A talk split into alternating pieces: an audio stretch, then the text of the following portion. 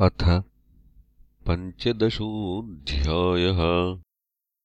धेनुकासुरवधः। श्रीशुक उवाच। ततश्च पौगण्डवयः श्रितौ व्रजे। बभूवतुस्तौ पशुपालसम्मतौ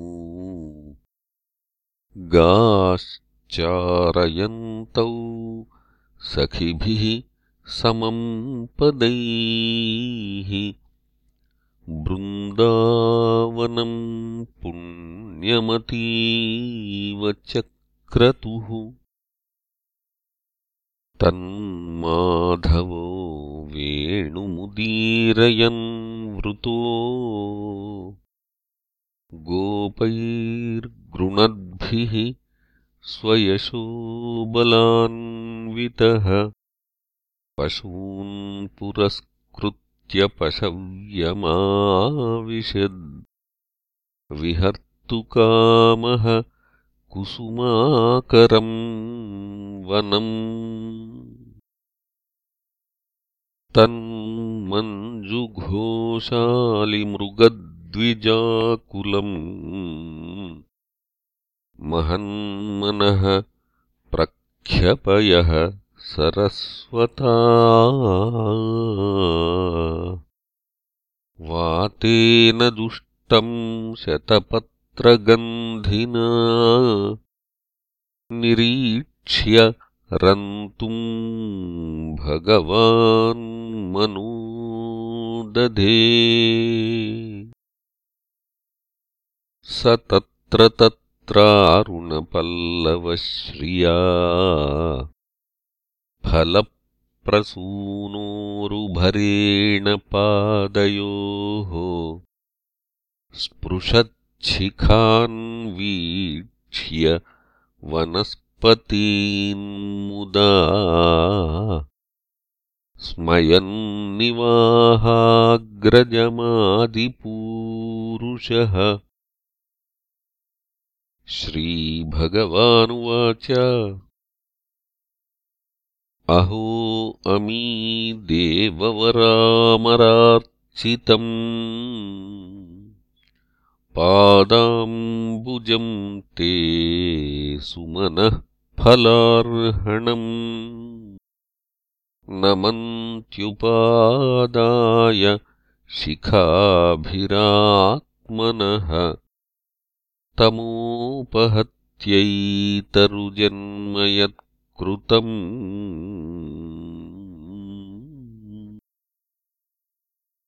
एते लिनस्तव यशोऽखिललोकतीर्थम् गायन्त आदिपुरुषानुपदम् भजन्ते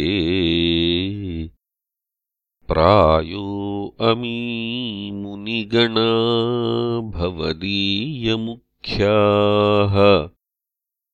गूढम् वनेऽपि न जहत्यनघात्मदैवम् नृत्यन्त्यमी शिखिन ईड्यमुदाहरिण्यः कुर्वन्ति गोप्य इव ते प्रियमीक्षणेन सूक्तैश्च कोकिलगणागृहमागताय। धन्या वनौकस इयान् हि सताम् निसर्गः धन्येयमद्य धरणी तृणवीरुधस्त्वत् पादस्पृशो द्रुमलताः करजाभिमृष्टाः। नद्योद्रयः खगमृगाः सदयावलोकैः गोप्योऽन्तरेण भुजयोरपि यत् मत्स्पृहा श्रीः। श्रीशुक उवाच। एवम् वृन्दावनम् श्रीमत्कृष्णः प्रीतमनाः पशून् रेमे सञ्चारयन्नद्रेः सरिद्रोधःसु सानुगः। क्वचिद्गायति गायत्सु मदान्धालिष्वनुव्रतैः। उपगीयमानचरितः स्रग्वी सङ्कर्षणान्वितः क्वचिच्च कलहंसानामनुकूजति कूजितम्। अभिनृत्यति नृत्यन्तम्। बर्हिणम् हासयन् क्वचित् मेघगम्भीरया वाचा नामभिर्दूरगान् पशून् क्वचिदाह्वयति प्रीत्या गो गोपालमनोज्ञया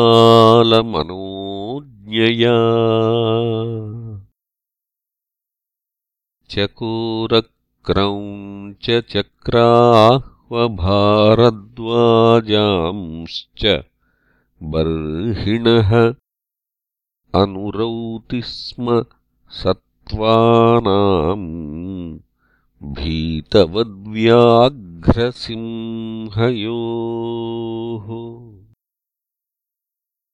क्वचित्क्रीडापरिश्रान्तम् गोपोत्सङ्गोपबर्हणम् स्वयम् विश्रमयत्यार्यम् पादसंवाहनादिभिः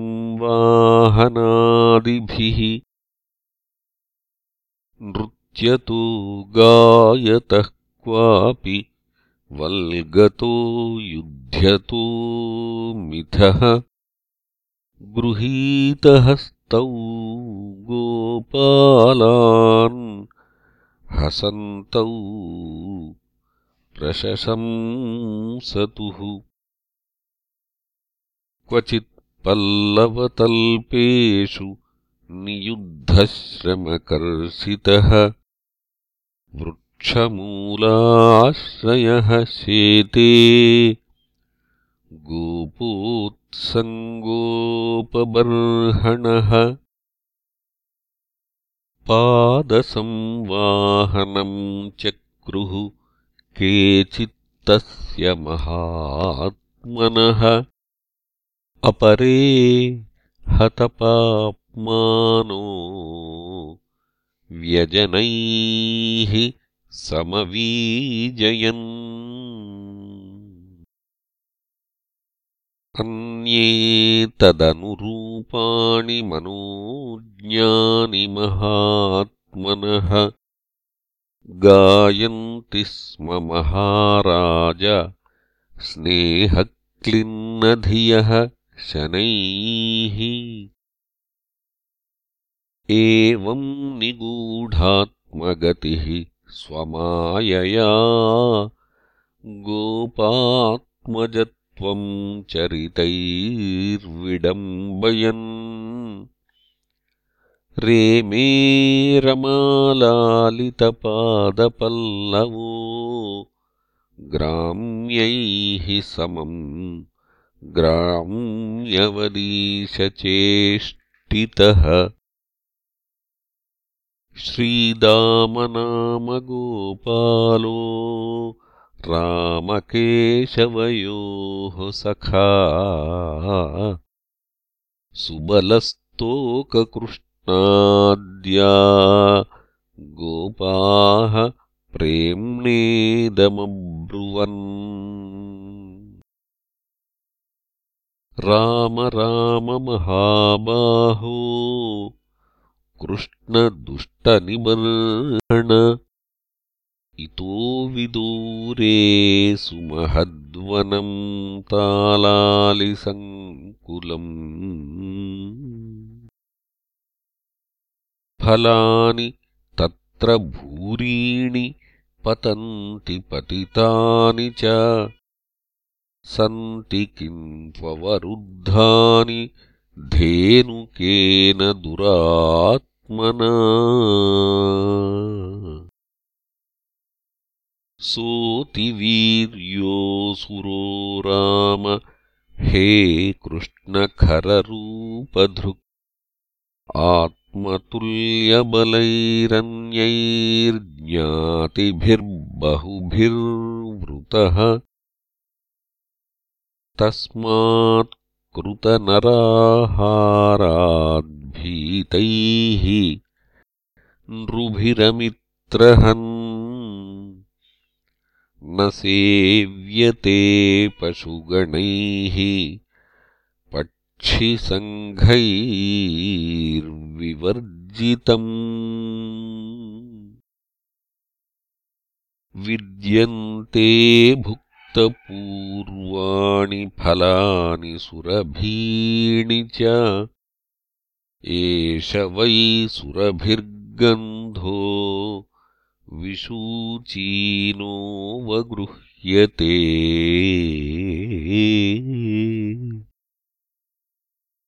प्रयच्छ तानि नः कृष्ण गन्धलोभितचेतसाम्।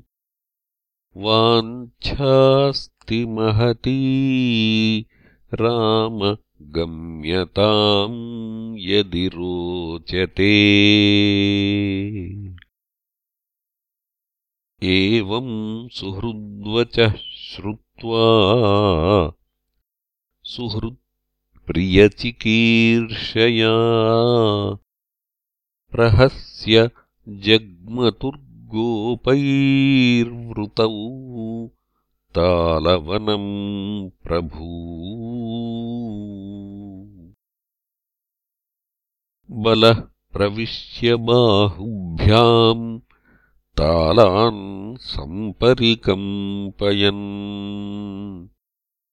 फलानि पातयामास मतङ्गज इवौजसा फलानाम् पतताम् शब्दम् निशम्यासुररासभः अभ्यधावच्छितितलम् सनगम् परिकम्पयन्। समेत्यतरसा प्रत्यग्द्वाभ्याम् पद्भ्याम् बलम् बली। निहत्योरसिकाशब्दम् मुञ्चन् पर्यसरत्खलः। पुनरासाद्य संरब्ध उपक्रोष्टापराक्स्थितः। चरणावपरौ राजन् बलाय प्राक्षिपदृशा स तम् गृहीत्वा प्रपदोर्भ्रामयित्वैकपाणिना। चिक्षेपतृणराजाग्रे भ्रामणत्यक्तजीवितम् तेनाहतो महातालो वेपमानो बृहच्छिराः। पार्श्वस्थम् कम्पयन् भग्नः स चान्यम् सोऽपि चापरम् बलस्य लीलयोत्सृष्टखरदेहहताहताः। तालाश्च कम्पिरे सर्वे। महावातेरिता इव। नैतच्चित्रम् भगवति ह्यनन्ते जगदीश्वरे। ओतप्रोतमिदम् यस्मिन् तन्तुष्वङ्गयथा पटः ततः कृष्णम् च रामम् च ज्ञातयोधेनुकस्य ये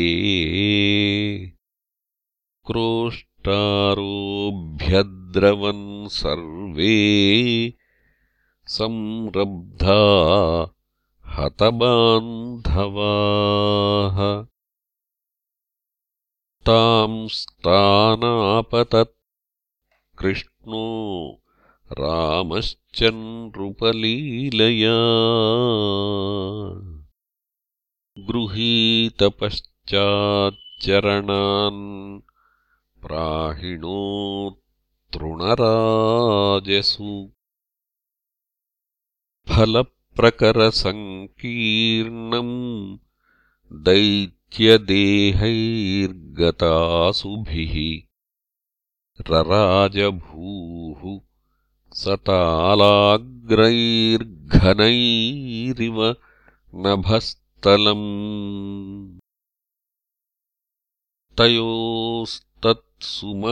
तयोस्तत्सुमहत्कर्मनिशाम्यविबुधादयः मुमुचुः पुष्पवर्षाणि चक्रुर्वाद्यानि तुष्टुवुः अथ तालफलान्यादन्मनुष्या गतसाध्वसाः। तृणम् च पशवश्चेरुर्हतधेनुककानने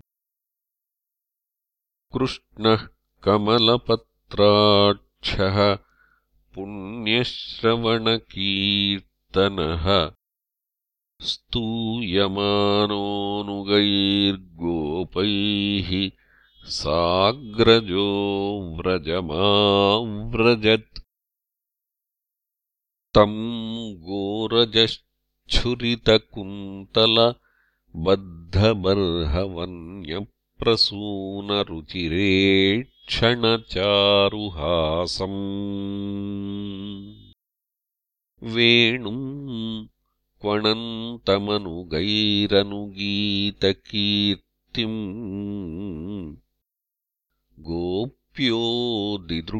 दिदृक्षितदृशोऽभ्यगमन् समेताः पीत्वा मुकुन्दमुखसारघमक्षिभृङ्गैः तापम् जहुर्विरहजम् व्रजयोषितोऽह्नि तत्सत्कृतिम् समधिगम्यविवेशगोष्ठम् सव्रीडहासविनयम् यदपाङ्गमोक्षम्। तयोर्यशोदारोहिण्यौ पुत्रयोः पुत्रवत्सले यथा कामम् यथा कालम् व्यधत्ताम् परमाशिषः। गताध्वानश्रमौ तत्र मज्जनोन्मर्दनादिभिः नीवीम् वसित्वा रुचिराम् दिव्यस्रग्गन्धमण्डितौ। जनन्युपहृतम् प्राश्य स्वाद्वन्नमुपलालितौ। संविश्य वरशय्यायाम् सुखम् सुषुपतुर्व्रजे एवम् स भगवान् कृष्णो। वृन्दावनचरः क्वचित् ययौ राममृते राजन् कालिन्दीम् सखिभिर्वृतः। अथ गावश्च गोपाश्च निदाघातपपीडिताः। दुष्टम् जलम् पपुस्तस्यास्तृषार्ता विषदूषितम्। विशाम्भस्तदुपस्पृश्य दैवोपहतचेतसः निपेतुर्व्यसवः सर्वे सलिलान्ते कुरूद्वः। वीक्ष्यतान् वै तथा भूतान् कृष्णो योगेश्वरेश्वरः। ईक्षयामृतवर्षिण्या स्वनाथान् समजीवयत्। ते सम्प्रतीतस्मृतयः समुत्थाय जलान्तिकात्। आसन् सुविस्मिताः सर्वे वीक्षमाणाः परस्परम् अन्वमंसततद्राजन् गोविन्दानुग्रहेक्षितम् पीत्वा विषम् परेतस्य पुनरुत्थानमात्मनः। इति श्रीमद्भागवते महापुराणे पारमहंस्याम् संहितायाम् दशमस्कन्धे पूर्वार्धे धेनुकासुरवधो नाम पञ्चदशोऽध्यायः